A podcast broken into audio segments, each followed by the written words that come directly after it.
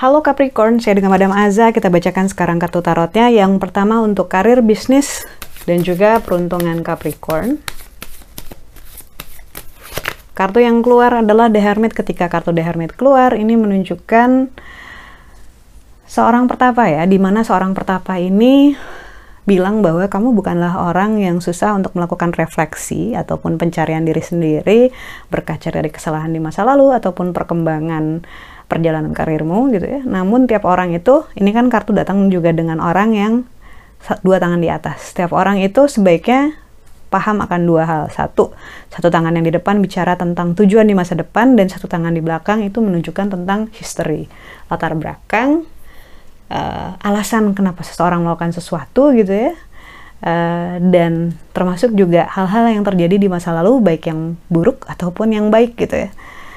Yang baik misalnya dulu pernah ketemu mentor yang bos mungkin yang bagus yang bisa memotivasi kamu membentuk uh, masa depan kamu keinginan kamu di masa depan dalam hal karir gitu mau jadi orang seperti apa gitu sesuatu yang terjadi di masa lalu yang buruk contohnya misalnya dulu pernah mengalami finansial yang sangat sulit gitu lalu memutuskan bahwa yang penting duit gitu cari kerjaan yang penting duitnya tinggi gitu sehingga dalam membuat keputusan segala sesuatu diukur berdasarkan uang. Padahal nggak semua manusia seperti itu dan nggak selamanya kita seperti itu juga gitu.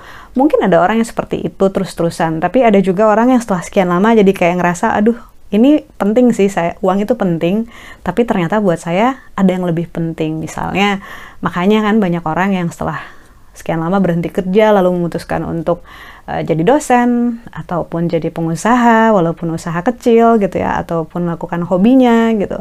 Nah, kartu The Hermit ini ibaratnya keluar saat kamu diminta untuk merefleksikan hidupmu untuk membuat sebuah pilihan ataupun melakukan suatu langkah kecil gitu, langkah awal untuk masa depan kamu. Ketika kartu The Hermit keluar, biasanya ada yang perlu diubah.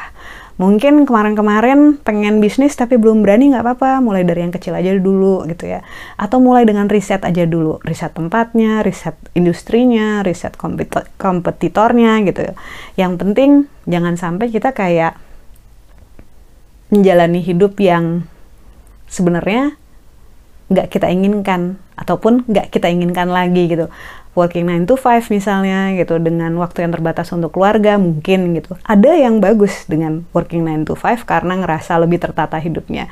Tapi ternyata ada juga mungkin yang ingin waktu lebih lowong supaya bisa makan siang sama keluarga ataupun bisa lebih banyak waktu dengan anak gitu ya. Lalu untuk percintaannya Capricorn, kartu yang keluar adalah desan. Ketika kartu desan keluar, ini menunjukkan adanya kebahagiaan selaras antara harapan dengan kenyataan.